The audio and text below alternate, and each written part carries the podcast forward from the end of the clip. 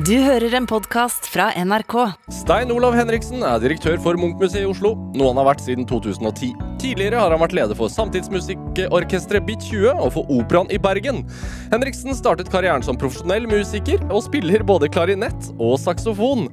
Men nå om dagen er fokuset rettet mot åpningen av nye Munch. Dette er Drivkraft med Vegard Larsen i NRK P2. Stein Olav Henriksen, velkommen til Drivkraft. Tusen takk, veldig hyggelig å være her. Veldig hyggelig å ha deg her. Takk for det. Er, er det Hvordan har du det nå om dagen? Nå er jeg veldig spent, egentlig. Som vanligvis er jeg ganske rolig, men nå har vi altså så mange mennesker som har meldt seg på åpningen 22.10 til det nye museet vårt. Fullt? Utsolgt? Ja, det er uh, utsolgt, og vi har lange ventelister osv. Men uh, vi skal prøve å ta imot alle som, som vil inn. Men når det er sagt, så har vi jo ikke gjort dette før. Så det er jo helt nytt for oss, og det er fryktelig mange mennesker. Så det syns jeg er veldig spennende. Men, men dere gjorde det sånn at hvem som helst kunne melde seg på, var det ikke sånn? Jo, vi altså ikke hvem som helst, men vi ønsket å invitere alle. Ja. Hvis du kaller det hvem som helst, så kan du godt si det sånn. Ja. Fordi det skal ikke være noe eh, forskjell på folk hos oss. Alle er hjertelig velkommen. Vi vil at alle skal være med og prege det nye museet vårt. Også være med å prege innholdet. Vi ønsker å være relevant for alle og være et sted hvor, hvor folk trives, uansett hvilken bakgrunn de har og hvor de kommer fra. Og barn. Og barn. Vi begynner med barna. Og, Det er den eneste VIP-gruppen på nye Munch, det er barn. ja, hvorfor har dere gjort det sånn?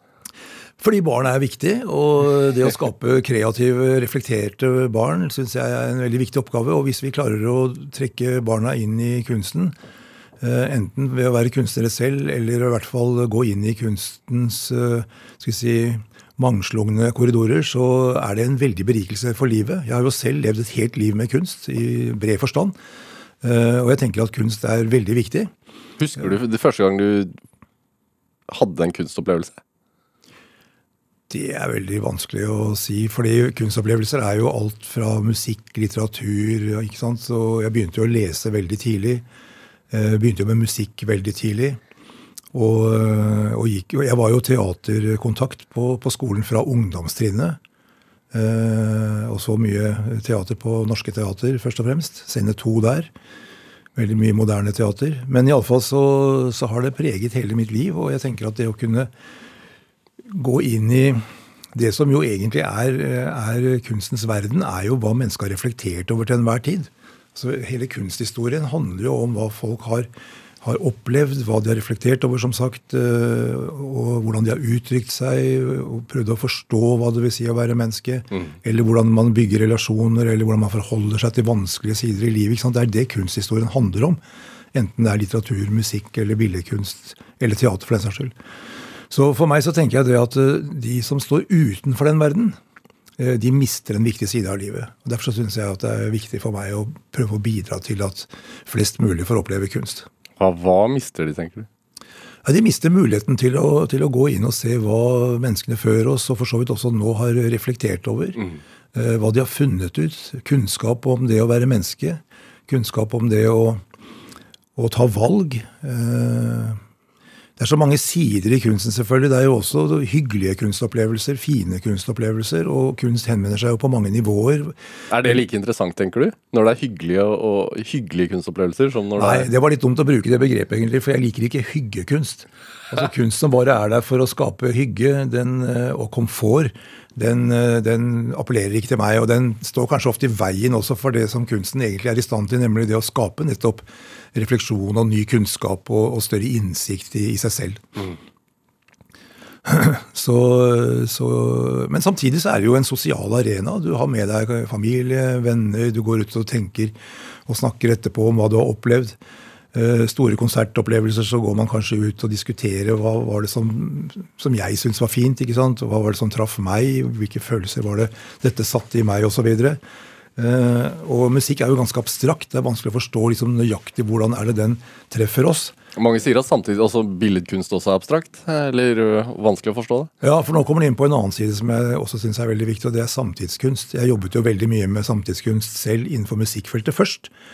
Eh, og det var fordi jeg studerte i Chicago og kom veldig tett på samtidskunstmuseet mu, eh, Samtidskunst. Eh, musikklivet der.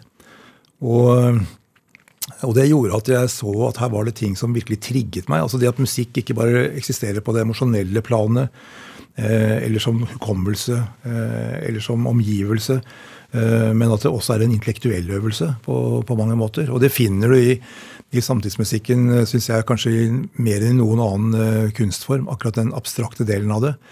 Eh, for når det kommer over i billedkunstfeltet, så tenker jeg at opplevelsen blir veldig mye annerledes. Men der er også samtidskunsten veldig viktig. Og en annen side ved samtidskunst er jo at det er vår tids stemmer som forsøker å uttrykke vår tids utfordringer, og, og hva det vil si å være akkurat her og nå. Og så har jeg lyst til å si en ting om, om det med, med, samtidskunstnere. Veldig ofte så blir jo kunstnere representanter for sin tid. Vi, vi, tenker liksom Edvard Munch, ja, han levde i den tiden, det er typisk for den tiden. Edvard Grieg, det var den tiden. ikke sant? Mm, mm. Hamsun osv. Eh, men i den tiden de lever i, så er de alltid i opposisjon til den tiden de lever i. Altså de, de representerer en utfordring, de representerer noe nytt. Eh, og de står i kontrast til den tiden de lever i. Og ofte blir de jo ikke anerkjent eller forstått heller. De ligger, som også Kleveland en gang sa, kunstnerne eh, ligger ikke langt foran. Det er vi andre som ligger bak. Men uansett så tenker Ikke sant? det, tenker du der nå, altså siden og så tenker du at vi har hentet igjen Munch nå? ja, altså jeg tenker at uh, Munch uh, var jo veldig radikal. Uh, altså En av de verkene som, som jeg syns er helt fantastiske, er jo 'Syk pike', som han malte veldig tidlig. Og Hvis du tenker på den tidens malerkunst med Christian Krohg og de malerne vi kjenner fra den såkalte naturalismen eller realismen, som fyller jo de lerretet med, med, med, olje, og, og de fortsetter jo innenfor en estetikk som har vært der liksom fra romantikken og kanskje før det også. Mens det Edvard Munch gjør, det er at han bruker forskjellige teknikker i samme verk. Han skraper i overflaten nærmest med neglene. Han klarer å uttrykke denne fortvilelsen som ligger i syk pike. Eh, på en sånn måte som ingen har, har, gjort før. Og han bruker et fargevalg som også er helt fremmed. Så det må jo ha virkelig truffet folk i, si, i solar plexus på den tiden. Og det ble jo ikke forstått. Man sa jo 'mannen er gal'. Ja. Eh, men det, han var jo ikke gal. Han utviklet et nytt språk for å fortelle oss noe som ingen hadde klart å fortelle før. Dette er Drivkraft med Vegard Larsen i NRK P2. Og I dag er direktøren for Munch-museet, Stein Olav Henriksen, her hos meg i Drivkraft på NRK P2. Du er kunstelsker. Absolutt. Hvor viktig er det egentlig i jobben din? Er det viktig i det hele tatt? I jobben min så tenker jeg at eh, det er viktig å forstå kunst i betydningen av hvordan kunstnere tenker og agerer, hva de trenger for å kunne ha en, en plattform å stå på, ha et sted å å, vise sin stemme på. Eh, det er helt eh, nødvendig. Så du må ha en forståelse for hvordan kunstfeltet fungerer, på sett og vis, men den trenger kanskje ikke å gå så fryktelig dypt.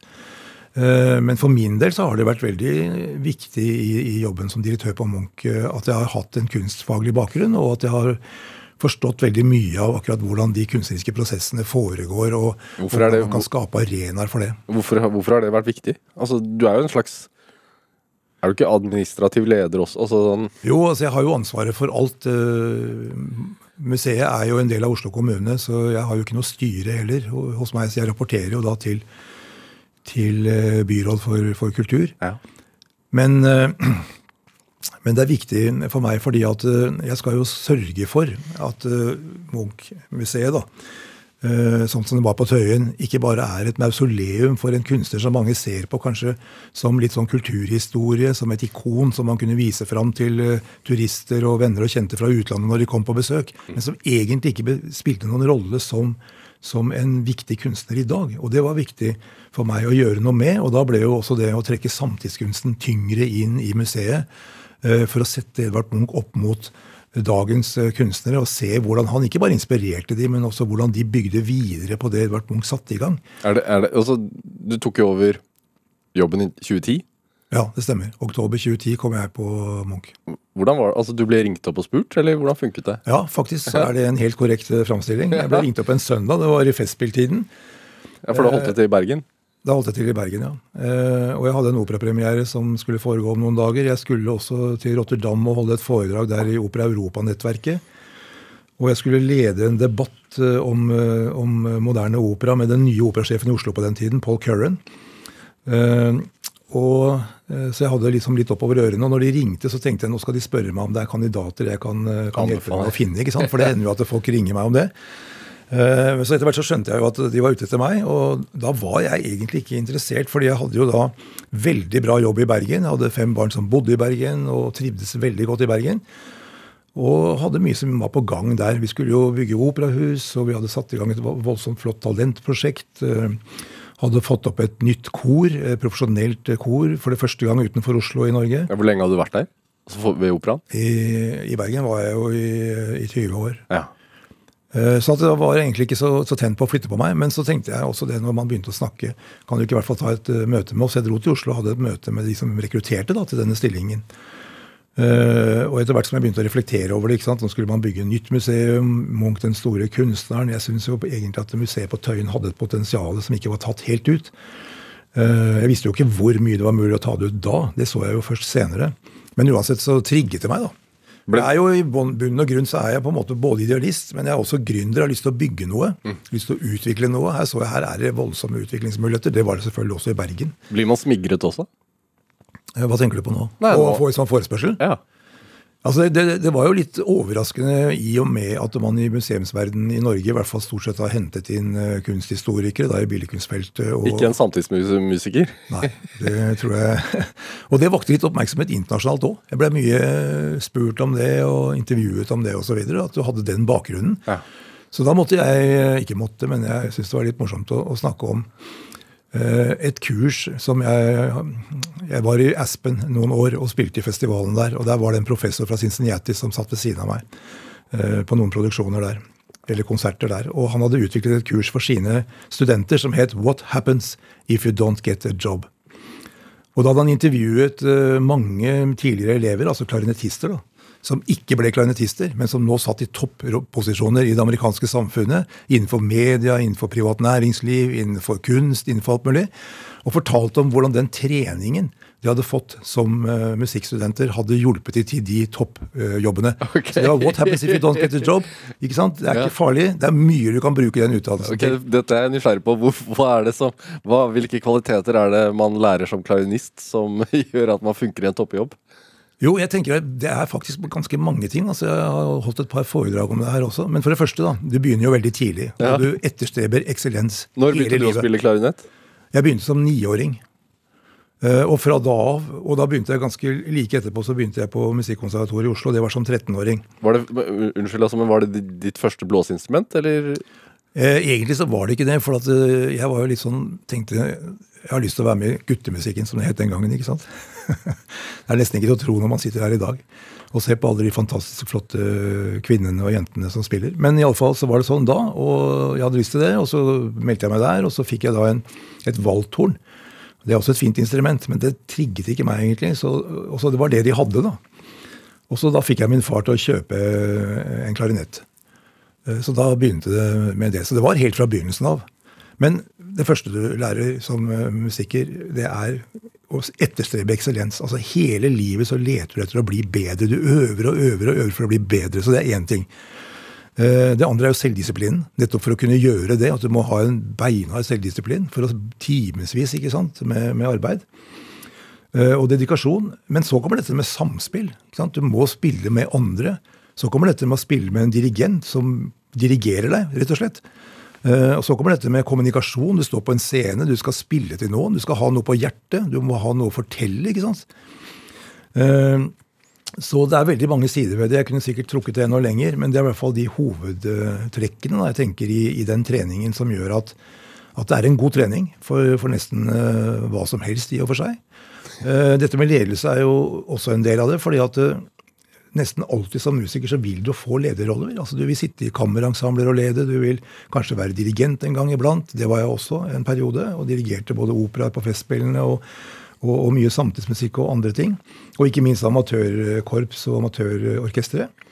Så, så du får den treningen eh, på det også. Og nå har jeg sett at det har vært en del kurs hvor dirigenter faktisk har holdt ledertreningskurs. Eh, og, det forstår jeg veldig godt, at det ligger veldig mye i den eh, kompetansen der som, eh, som kan brukes da, hvis man, hvis man vet å bruke den. Men dette med å F.eks. jeg spilte også jazz. og det å på en måte lære seg de teknikkene med improvisasjon Ikke sant? Når du setter i gang og skal spille et jazzverk, så har du kanskje en melodi du går ut ifra. Og så, og, så ta, og så er det helt fritt. Du aner ikke hvor du lander hen. Du aner ikke hvor du skal hen. Du bare setter i gang. Og så vet du at du kommer til å lande på beina. Du kommer til å få det til.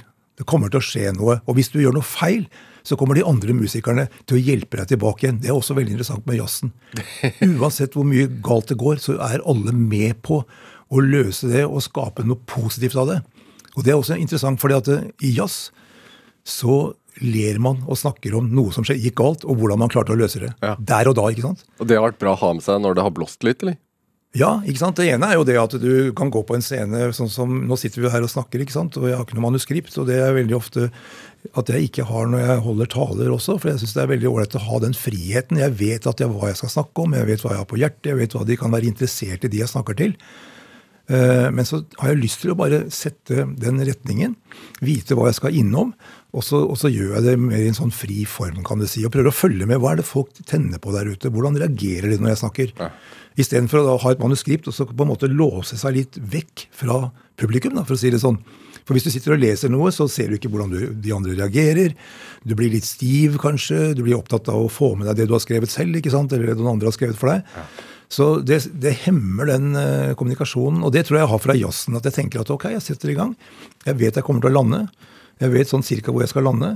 Men jeg vet ikke hva som skjer i mellomtiden. Men da må man også ha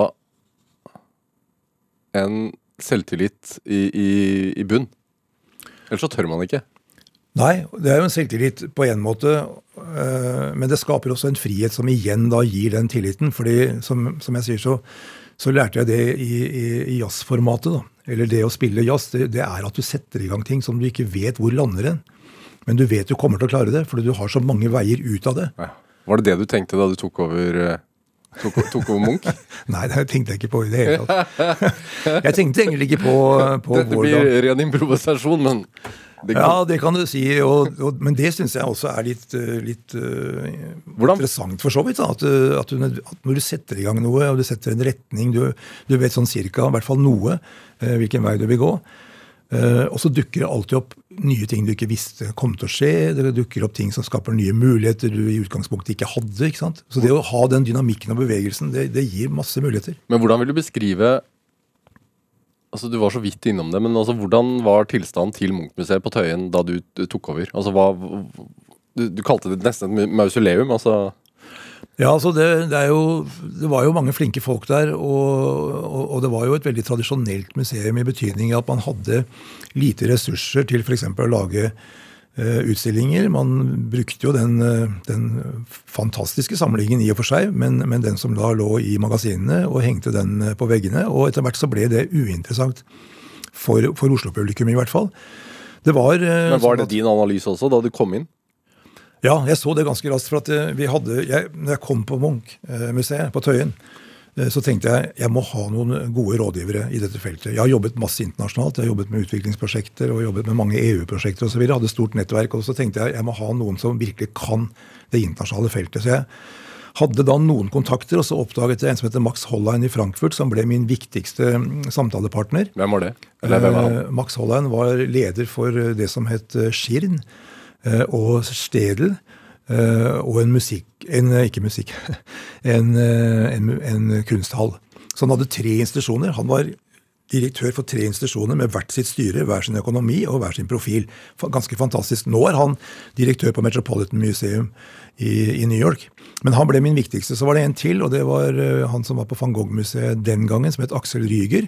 Det var en annen eh, person jeg tenkte han får virkelig ting til. Altså, her er det 1,6 millioner besøkende på det for så vidt lille museet med en kunstner akkurat som vi har. ikke sant? Så van Gogh-museet ble veldig mye for meg eh, første inngangen til å forstå kraften Ja. i det som Edvard Munch også representerte. Og nå er jo Edvard Munch minst like populær og etterspurt i utlandet som van Gogh, men det var det absolutt ikke når jeg kom. Hva, hva, hvordan, når du tok, Dette var folk du kjente fra før? Dette var folk jeg ikke kjente fra før, mens Nei. jeg lette etter litt uh, hvem er det som kan være eh, rådgivere i forhold til ulike ting. Jeg hadde lyst til å gjøre mer utstillinger ute, jeg hadde lyst til å trigge forskningen, jeg hadde lyst til å være mye mer relevant hjemme. Eh, Vi skulle bygge et nytt museum. ikke sant? Hvordan, hvordan gjør du det? Eh, Så det var veldig mye som lå der foran meg, som jeg tenkte jeg må ha noe mer rådgivere. Jeg har jo gode rådgivere på mange andre områder, men her trengte jeg noen som kunne det internasjonale kunstfeltet. Og da ble det de to. Hva sa og grunnen til at jeg sier det, er at, at eh, Aksel Ryger han eh, hadde da kommet så langt at i Amsterdam, som er like stor som Oslo i antall innbyggere, så besøkte folk museet eh, hver tre og et halvt år i snitt. Hver tre og et halvt år i snitt. I Oslo så var det 35 i snitt. Det betyr at du besøker da i snitt to ganger i livet. Det er når du kommer, blir dratt Og hvert 35. år så besøker man Munch- Munch-museet. ja, Så de hadde ti Wow. ganger mer lokalt besøk i Amsterdam enn i Oslo. Det trigga meg. Og, og nå har vi faktisk tolv ganger mer besøk fra Oslo-folk enn vi hadde altså på Tøyen, eh, enn vi hadde når jeg kom. Så vi har eh, virkelig lykkes med det. Men det, da så jeg litt på, på van Gogh-museet. Og da så jeg da at eh, i Oslo så er folk på museet når de blir dratt baklengs inn eh, gjennom skolen. Sånn er det ikke nå, men sånn var det litt før. Eh, og de så etter nødutgangen ikke sant? med det samme de kom inn. Og det andre var når du hadde gjester ut, utenfra. Og det hadde jeg lyst til å gjøre noe med. Og det ble jo da begynnelsen på denne Pluss Munch-serien. Ja. Som skapte en del bruduljer. Det skapte veldig mye reaksjoner, ja, absolutt. Men Hvor, det satte hvor, jo også sånn som eksempel eh, Melgaard pluss Munch, da. Ja. Eh, Ja, det var, den traff jo på mange nivåer, egentlig. Og, og Hvor glad var du av det? Veldig glad. Altså, For det første gang så var det jo enorm interesse. det vi holdt på med. Folk stormet jo inn. Vi har aldri hatt så mange barn heller på en utstilling som den Melgaard-utstillingen. Nei, De fikk jo egentlig ikke lov til å gå og se den. Så det Nei, var sikkert sikkert Nei, noen lærere i Oslo-skolen ville jo ikke være med på dette her. Og, og selv om de kunne velge mellom tre forskjellige utstillinger, så var de veldig tydelige på at de skulle i hvert fall ikke gå på Melgaard. Det tror jeg var en tabbe, men uansett så var det mange fra Bærum og Oppegård og andre steder som kom og, og fylte de plassene veldig raskt. Så det var fryktelig mange barn. Det var dobbelt så mange barn faktisk på en utstilling som vi pleide å ha på en utstilling eh, på den tiden. Så, så satte det i gang veldig interessante diskusjoner, og jeg så jo det at en enorm talestol, altså, eh, Munch-museet. Eh, Det er det nå. Så nå tenker jeg at eh, Munch i Bjørvika er kanskje fedrelandets viktigste talestol akkurat nå. Men jeg er jo også, for å snakke med, for min egen del, jeg er en kunstinteressert, kun, jeg er kunstinteressert fyr og har bodd i Oslo siden 2000. eh, Og fra 2000 til 2010, som, jeg, som, som, som du, du da tok over, så tror jeg jeg var på Munch-museet kanskje to ganger. Ja, Men etter det så var jeg der ganske ofte. Ja men selv to ganger er over snittet, da. Ja. Eh, og, og det var jo av disse pluss eh, Munch pluss-utstillingene, og at det plutselig føltes litt sånn trendy å være der. Ja, For å være helt ærlig. ja. Nei, det, det var jo en annen eh, ting. Det, var, det ble hipt å gå Ja. på Munch-museet. Ja, ikke sant? Det, det syns jeg var eh, utrolig Blir du stolt? Ja, jeg ble veldig stolt av det. fordi at eh, vi, vi, Jeg satte i gang en strategiprosess i 2011, altså like etter at jeg begynte.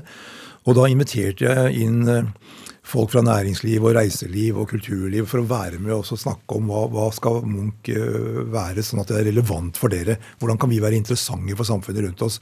Men den viktigste gruppa som jeg, som jeg da inviterte inn, det var jo barn og ungdom. Eh, Og for så vidt eh, studenter og osv. Og så oppdaget jeg det at eh, det er ikke noe poeng at vi lager barneprosjekter. Hvorfor kan ikke barna gjøre det selv? Og invitere sine holdt på å si, kolleger, da. Så de ungdoms eh, vi si, vi hadde, som var noen uten alkohol og noen med alkohol for de litt eldre ungdommene, de hadde jo kø helt fra museet og bort til Tøyen, ja. T-banestasjon, fordi de var så populære. Og, og da hadde vi jo med ungdommer som selv uh, fortalte oss uh, hvordan de ville ha det. Og, og det var de som sendte invitasjon til de andre skolene f.eks. Og sa at nå inviterer vi til Munchmuseet på Tøyen til en, uh, til en kveld for oss ungdommer. Men hvor viktig har det å Altså, Hvor viktig har det vært å ta med seg det i det nye huset, nye bygget? Altså, Bare tenk på logoen på, på bygget, som har Ja. fått masse eh, Spørsmål. spørsmål og kritikk. Ja. Nei, det er, også, det er jo to sider ved det. Det ene er at eh, alt vi gjør på, på Munch-museet, er jo på en måte også en eh, representasjon av Edvard Munch, som mange har et forhold til, eh, og som er en viktig kunstner i, i vår identitet, i vår kunsthistorie og i vår historie, for den saks skyld. Så, så det å pirke borti folks oppfatning av hva Edvard Munch skal være, og helst eh, da igjen da, litt sånn hygge eh, Man tar med seg eh, kanskje gjester for å se på de ikoniske verkene som alle har hørt om og sett på og blir begeistret av, uten at man egentlig kanskje går inn i hva Edvard Munch egentlig mener å fortelle oss med de verkene, som er mye viktigere. Så det er den ene siden av det. Men den andre siden er jo at vi skal bidra til å løse samfunnets viktigste utfordringer, for å si det litt enkelt. Vi skal være en plattform for, for mange eh, stemmer. Eh, så at det kommer til å være et mye bredere program enn Edvard Munch. Edvard Munch er en kjempeviktig kunstner. Det er den viktigste samlingen vi har eh, av kunst i Norge. Og, og også i Nord-Europa, kanskje. Jeg kan iallfall ikke se noen andre samlinger som har større tyngde enn den vi har, med 27 000 kunstverk av Edvard Munch, som er enormt etterspurt rundt omkring i verden. Men vi skal også være en arena for, for, samtidskunstnere og andre kunstnere som er viktige og relevante i, i dagens uh, samfunn. Mm. Uh, og det er det vi gjorde nå på, på, Det siste vi gjorde på Tøyen, var å lage denne Gi meg et navn-utstillingen, som også jo ble uh, ja, kontroversiell på mange måter. Hvordan er det for deg å stå oppi det, når det faktisk altså, stormer? Det blir jo kritikk, du blir jo kritisert i medier. Ja, men jeg får veldig energi av det. Jeg syns det er utrolig eh, inspirerende når du skaper debatt, når du skaper refleksjon. Og det, hvis ikke du provoserer, så endrer du ikke noe heller. Og jeg er jo opptatt, som jeg nevnte tidligere, jeg er jo gründer, og ikke bare på museets vegne, men også på samfunnets vegne. Vi, jeg syns det er veldig spennende. Hva, hva mener du med det? Nei, Jeg mener at eh, det å være med å utvikle samfunnet til å skape et bedre samfunn, hvor også kunst og kultur står i, i sentrum av samfunnsutviklingen, og hvordan vi kan være med som, som kunstinstitusjon og løse de store utfordringene. Mangfold, integrering. Uh, alt det som skjer rundt oss nå med de store sosiale forskjellene.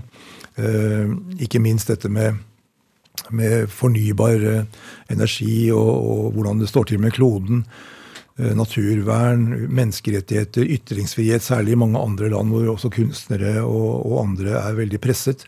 Den type ting syns jeg det er viktig å bidra til å være med å løse. Så debatt er en suksessfaktor? Ja, debatt er absolutt en suksessfaktor. Det å skape engasjement og debatt og sørge for at folk følger med på det vi er opptatt av, eh, og trigge, eh, og at vi får respons på det, viser jo at det vi gjør er relevant for folk og interessant for folk, og at det betyr noe. Ja.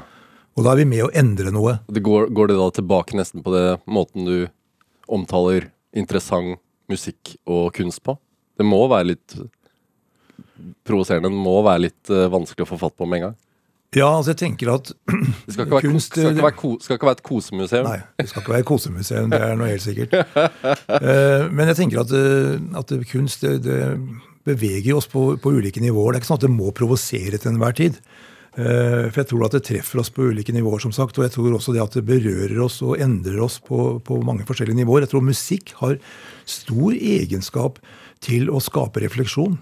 Eh, men den er ikke så konkret at vi kan peke på nøyaktig hva som skjer når du opplever et stort kunstverk innenfor musikkfeltet, eller opera for den saks skyld. Eh, eller for så vidt abstrakt billedkunst. Hva er det som gjør at noe er bra, og noe ikke er så bra? Og hva er det som gjør at noe treffer oss, og noe treffer oss ikke? Eh, det kan være vanskelig å forklare eller, eller peke på i det abstrakte kunsten. Men at det er noe som skjer, det er jo ikke tvil om. Og at det skaper refleksjon, og at man kanskje våkner en natt eller går tur i skogen eller på fjellet, og det, tingene kommer tilbake til deg.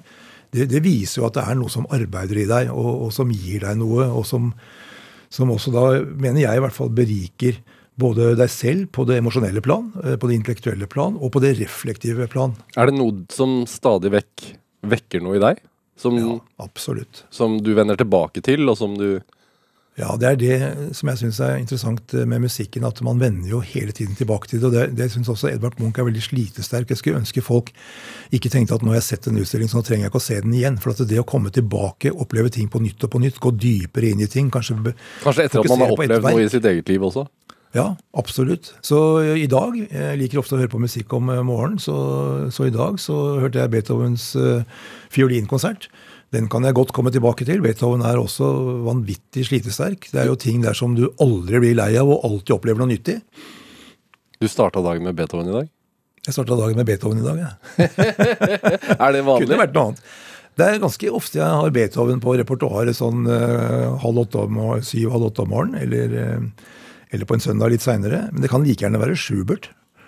Det kan noen ganger være Brahms. Men jeg går litt inn i dette romantiske materialet. da. Ja. Eh, man sier jo med Beethoven at han er begynnelsen og slutten på alt i musikken. Eh, og Det er klart det er en dybde i både Beethoven og Schubert som jeg i hvert fall aldri blir, blir lei av. Men så må jeg hele tiden ha påfyll av samtidsmusikk og samtidskunst også. Så det er ikke sånn at jeg går tilbake og reminiserer eller, eller grave meg ned i den romantiske kunstperioden. Men, eh, men det er klart at det er mye der som, som, står seg over tid. Og det er jo derfor folk går på konsert om og om og om igjen for å høre Beethoven-symfonier. Vi, vi, vi, skal spille litt musikk nå. Det er ikke Beethoven, ja. vi skal høre Wagner. Og vi, skal, og vi skal ikke minst høre deg. Jeg er veldig operainteressert. Ja. Jeg er også veldig litteraturinteressert. Men eh, ja, så jeg går jevnlig på opera eh, overalt hvor jeg har, har, sjansen til det. Og jeg var så heldig å få spille også i Den norske opera, som det het før. Det heter Norsk Operaballett nå. Eh, den gangen det var på Folkepassasjen på Youngstorget. Og da var jeg bl.a. med på å spille Tristan og Isolde med Heinz Frikke fra Øst-Tyskland som dirigent. Dette fantastiske verket av, av Wagner. Richard Wagner. Som varer i fire og en halv time. Og den avsluttes jo med denne Liebestod, hvor man faktisk dør av kjærlighet. Og det syns jeg er et helt fantastisk uh, verk. Det er vel et av de viktigste musikkverkene. Altså Wagner er jo kanskje det største geniet vi har hatt i, i nesten i hele kunstfeltet. Mørkt, da. Uh, denne handler jo om kjærlighet, altså akkurat denne operaen. Ja. Uh, den handler jo om veldig mange sider ved, ved livet, men det er jo sånn at de to elskende dør, begge to, på slutten. Ja. Sånn sett så er det jo mørkt. Men ja. før de kommer dit Så elsker så. de, elsker de sterkt. Ja. Hvis man, liksom, hvis man lytter godt etter, hvor hører man deg? Jeg spiller bassklarinett. Det er veldig lenge siden jeg hørte opptak fra, fra den produksjonen, så, så, jeg er ikke helt sikker på hvor jeg kommer inn Men jeg spiller i hvert fall bassklarinett, så hvis du hører en bassklarinett her, så er det da faktisk meg som spiller.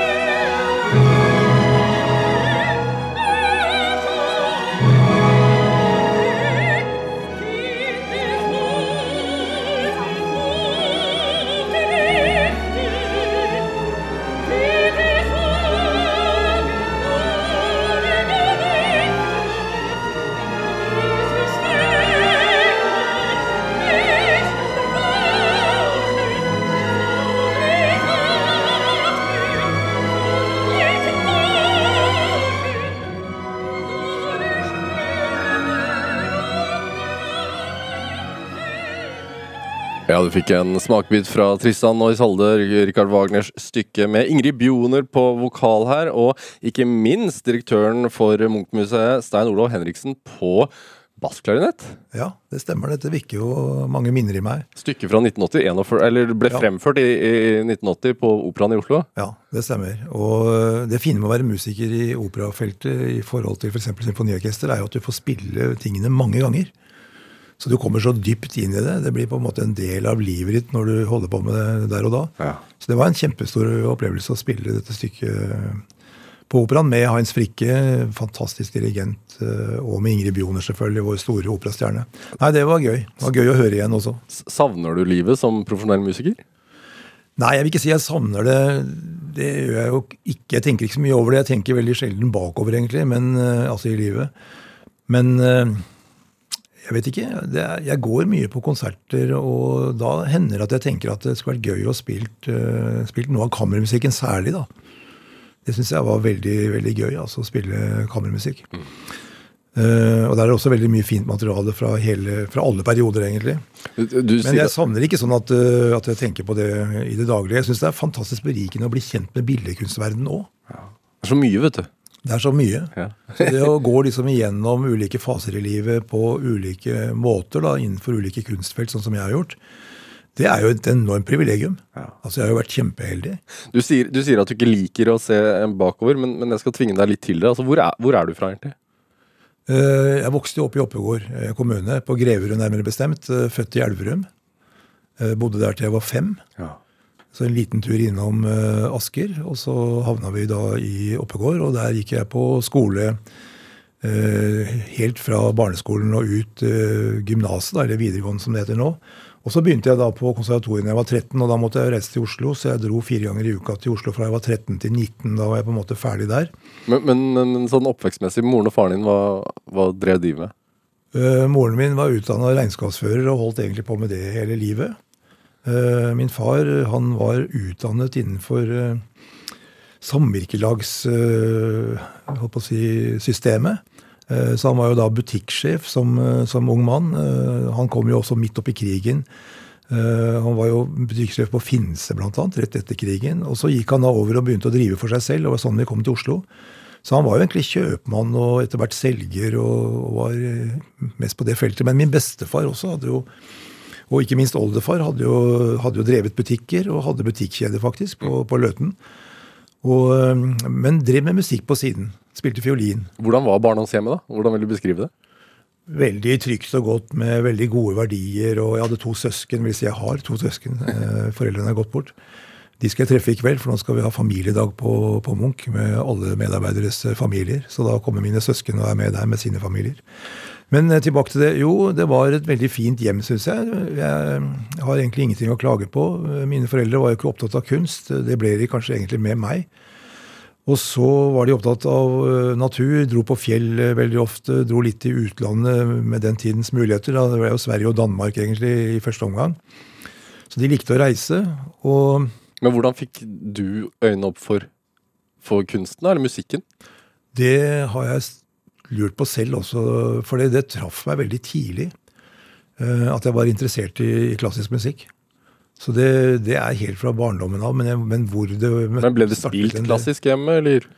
Nei, ikke egentlig. Jeg hadde en bestefar som, eh, som hadde da en platespiller med 78-plater, og han eh, var også veldig interessert i klassisk musikk. Det er mulig at det, at, at det var det som trigga det. fordi at jeg hadde besteforeldre som bodde i Arnebråten. Arnebråten er på en måte vårt familiested siden 1830, som vi solgte for et par år siden. eh, Og som er grunnlaget for Arnebråtveien i Oslo. Men iallfall så dro vi dit i helgene. Eh, Det var en stor hage der og veldig veldig fine besteforeldre. Så de spilte jo musikk der. Så det er nok antagelig den følelsen av å komme dit i helgene hvor, hvor vi løp rundt i hagen og spiste epler og, og den type ting. Og fikk veldig god mat der. Og ja, i det hele tatt veldig hyggelige opplevelser i barndommen med å besøke de. Og der var det, der var det jo kanskje noe mer fokus på, på klassisk musikk. Så det kan godt hende, uten at jeg husker noe helt eksplisitt, eh, at det er der det, det, det dukket opp. Men, men det traff meg i hvert fall på en sånn måte at det ble en viktig del av livet mitt allerede som, som barn. Ja, det var på eget initiativ at du ville Ja, det var på eget initiativ, Ja. absolutt. Og så var det også det at det, av en eller annen grunn så ble jeg teaterkontakt altså som, eh, som 13-åring. Uh, og det Hva, hva, er, det- hva, er hva er det det for noe teaterkontakt? Det, er, det, var, det, Ja, det kan du spørre om. Hva er det? Jo, det var sånn at, Ja. Jo da, men altså, på den tiden så hadde teaterne funnet ut det at hvis de hadde en eh, representant på de ulike skolene som de kunne invitere på førpremierer eller premierer, altså barn da rundt omkring, som kunne være deres ambassadører og snakke da om den forestillingen til de andre barna, eh, slik at de kunne komme og ta med seg familien sin og gå på teater. Så jeg var en sånn kontakt som da på den ene siden fikk jo da veldig privilegier, for jeg fikk jo se alt de satte opp. Det er derfor barna slipper inn først på Munchmuseet, skjønner jeg. Ja, jeg har veldig sans for det, altså å sette barna i sentrum. Jeg har jo fem barn selv, som også er en veldig berikelse og enorm inspirasjonskilde for meg. Så, så det er viktig, tenker jeg. Og barn og barndom er jo noe som har endret seg over tid, hvordan vi ser på det. Tidligere så så man på barndom som på en måte en slags forberedelse til det å være voksen som var det virkelige livet. Men faktisk så er jo barndommen også det virkelige livet. Altså Det er jo veldig formativt. Eh, De opplevelsene du har der, de sitter med deg hele veien. Og det er ikke tilfeldig at folk som begynner å miste hukommelsen på slutten av livet, de husker ingenting annet enn det som skjedde helt i begynnelsen. Altså i barndommen. Så Hva husker du selv best? fra Barndommen? Er det det å løpe rundt i hagen og spise epler? Nei, jeg husker jo det at jeg holdt på med musikk uh, hele tiden. Uh, og så husker jeg jo eh, en del av de, reisene vi gjorde, men kanskje mest eh, kameratskap og, og vennskap med, med andre barn. Vi startet jo veldig tidlig et popband som het Headache, og det tror jeg var et veldig beskrivende og riktig navn på det bandet. men, eh, men altså det, det med, med vennskap og kameratskap osv., det var jo eh, veldig viktig for meg også i, i den eh, perioden der. Da. Så hatt mye glede av det, og kontakt med de jeg spilte med da, eh, den dag i dag. Skjønte du, altså Når skjønte du at du hadde talent? da? Det tror jeg jeg skjønte ganske tidlig. Det er en annen side ved meg som jeg ikke har egentlig snakket eh, om nå, og det er det at jeg har alltid vært leder. Altså På gymnaset så var jeg leder eh, Jeg, ledet eh, hva heter det, elevrådet i tre år. Alle tre årene jeg var der. Når jeg kom i militæret, så ble jeg valgt som tillitsmann den første uka vi møttes med 60 unge menn som ikke kjente hverandre fra før. Så det er noe med det at og det får jeg håpe da, i hvert fall, at det er å bygge tillit. Folk får veldig raskt tillit til meg. Uh, og jeg føler meg ganske trygg med for forsamlinger og med andre mennesker. Er man født sånn, eller tar man den rollen? Jeg vet ikke, altså jeg føler jo, jeg skal være litt forsiktig kanskje, men jeg føler at jeg er intellektuelt sterk. Uh, og, og sånn sett også gir jo det en, en veldig sånn styrke i sosial kontekst. Eh, jeg tenkte ikke noe over det som barn, det kan jeg ikke si. Men, men at jeg følte meg veldig trygg i, i rollen som leder. At jeg ofte tok lederrollen i lek, eh, eller på skolen, eh, eller etter hvert i musikklivet. Eh, og så var jeg jo tillitsvalgt. Jeg, forhandlet for f.eks. For orkesteret i Bergen som, som, leder for fagforeningen der i, i, syv år. Jeg var leder for fagforeningen mye lenger enn syv år, men, men jeg var leder som, som også forhandlet. da med store, tunge tariffavtaler. Så, så, det var også en viktig trening, egentlig, det å bli leder i mer sånn tradisjonell lederbetydning. Men jeg har alltid hatt Kanskje jeg har hatt en dragning også mot det å lede. I hvert fall så passer det veldig godt med det å ønske å bygge noe. Ja. Som leder så får man ting gjort, eh, på sett og vis, hvis du skjønner meg riktig. Man skal jo ha med seg andre, og, det er jo utrolig viktig at man inspirerer andre. og langt lytter til andre, men, men, samtidig så er det veldig privilegerende å være leder. Du kan sette retning, sette visjoner, ambisjoner og faktisk gjennomføre. Hvordan gjør du det? da? Setter du det ned på et ark, eller altså, tenker du, hvor mange år frem i tid tenker du? Mange. Uh, har alltid gjort det. altså Jeg har, har likt å ha et langt perspektiv. Ja, hva vil det Så er jeg utålmodig også. Jeg, bortsett fra i kunsten så liker jeg ikke repetisjoner. Nei. I kunsten så liker jeg repetisjoner. Er du, mø møter, liker du det?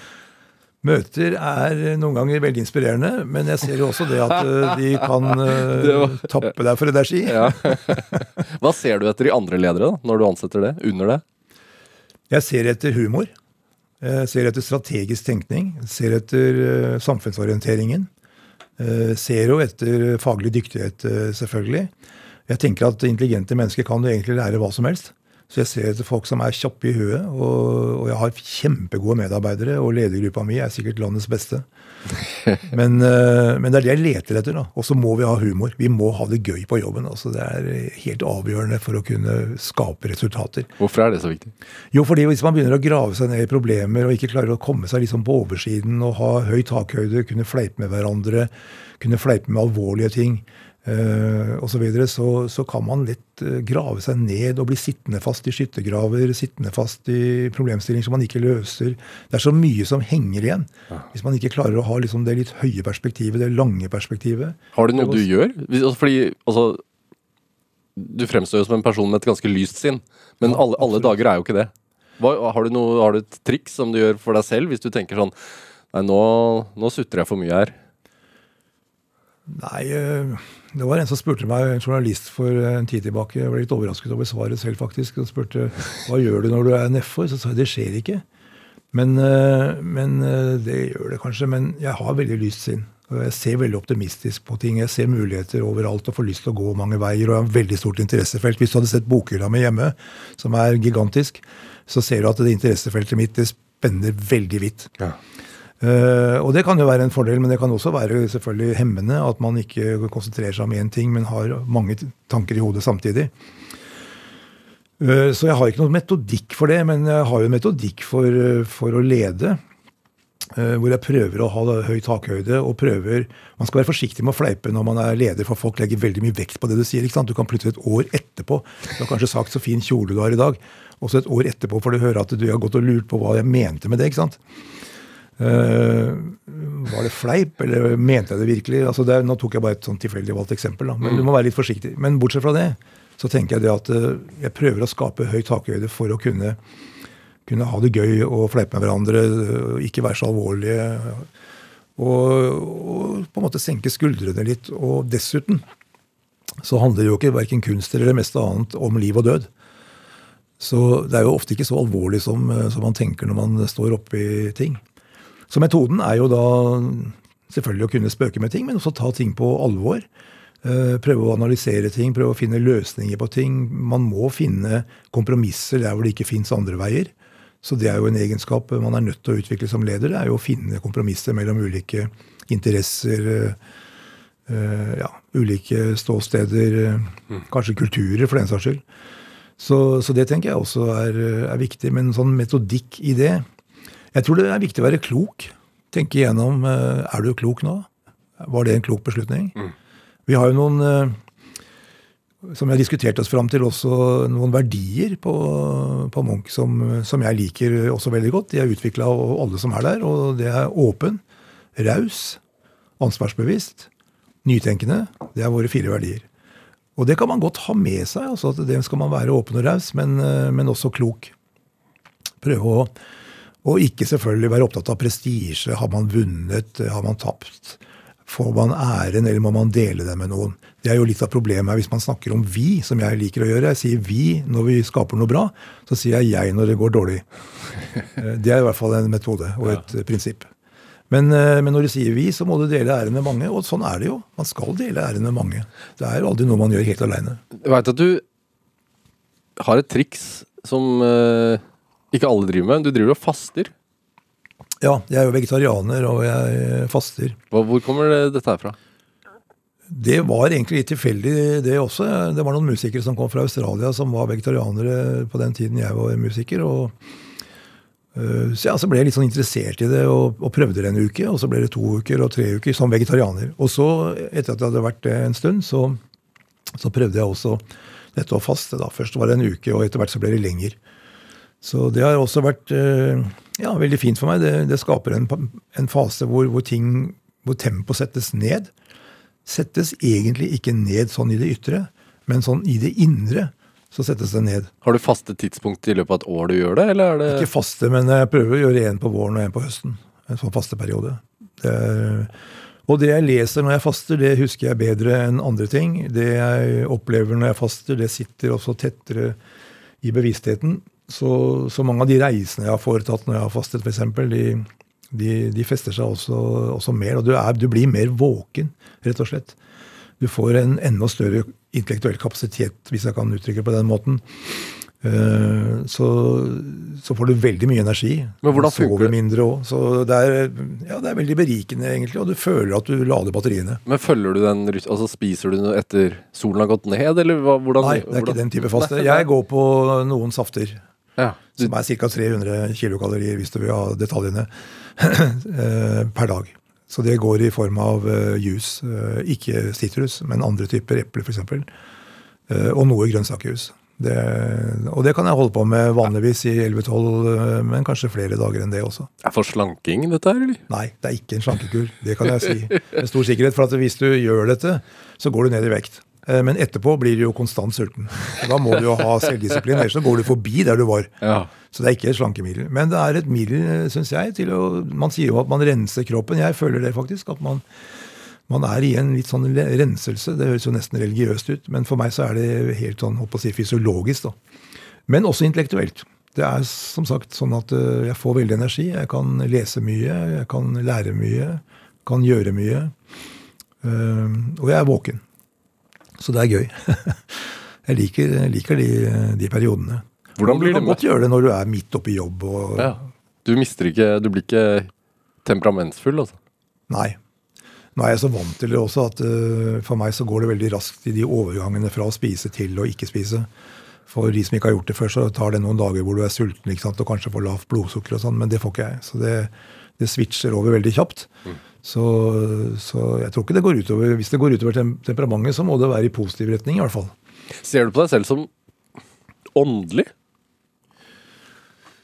Det er et stort spørsmål. altså, Jeg er jo ikke religiøs øh, på noen måte. Jeg tror heller ikke vitenskapen har forklart oss alt i livet ennå. Eh, det ville jo være veldig rart om det skulle være tilfellet. Men åndelig Ja, altså det er, det er et vanskelig spørsmål. Hva er det egentlig som gjør at musikk påvirker oss sånn som det gjør, f.eks.? Eller eh, for så vidt også kunst og andre ting. Hvor er det noe Jeg vil ikke si spirituelt oppi dette, men det er klart at det er jo mye mer mellom himmel og jord uh, enn noe annet sted, som, uh, som noen sier. Men uh, jeg vet ikke helt. Det er, det er egentlig Det er vel sånn at at man kan begynne å lure noen ganger. Hvor kommer alle inntrykkene fra? Hvor kommer refleksjonene fra? Hvor kommer inspirasjonen fra? Mm. Den type ting kan jo gjøre at man blir åndelig.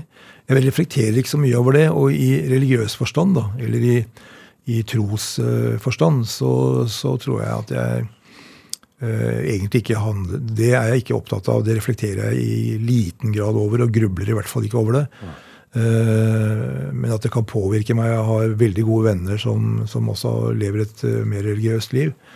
Og har stor forståelse for det. Og det som er interessant med religion, det er jo det at det også er på en måte en guideline rent etisk.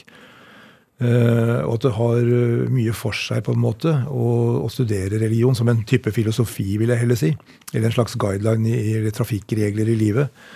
Eh, det kan ha noe for seg. Men så kan jo også religion, som alt mulig annet, brukes veldig negativt. Eh, og det er jo også en vanskelig side ved det, at man blir lett eh, fundamental. Så igjen, eh, spørsmålet er, er stort. Vi er vel alle på sett og vis noe mer enn fysiske og intellektuelle, så det er noe imellom der som kanskje kan kalles åndelig. Men Du nevnte at du hadde en stor bokhylle, rikholdig bokhylle hjemme hos deg. Men hva har du på veggene? Hva omgir du deg med?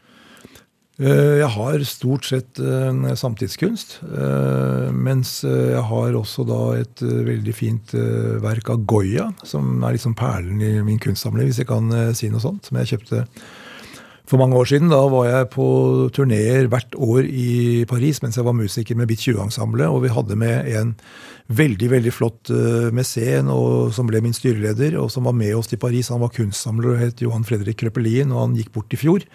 Og vi hadde en minnestund for han. Han påvirket meg veldig positivt på mange måter. Eh, han kjøpte grafikk når vi var i Paris, og da bestemte jeg meg for at hver gang vi er på turné i Paris, skal jeg kjøpe et grafisk verk, og det gjorde jeg da. Så jeg begynte med Goya. Så det, det er ikke bare samtidskunst på, på veggene. Men det er ikke så veldig mye på veggene. Jeg liker å ha litt sånn ro også eh, hjemme. Jobber jo med billedkunst eh, hele tiden, så trenger man ikke egentlig mye mer av det hjemme. Det er bare ja, to uker til ny Munch åpner. Eh, endelig skal man gå inn i, i bygget. Er det er, Syns du det er blitt pent?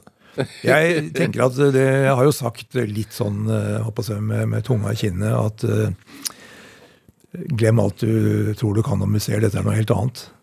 Men det er noe i det òg. Altså, dette her er noe helt annet. Det kommer jo folk nå fra alle verdens hjørner for å se hvordan har vi tenkt. Hvordan har vi skapt dette? Hva er det vi har lagt vekt på?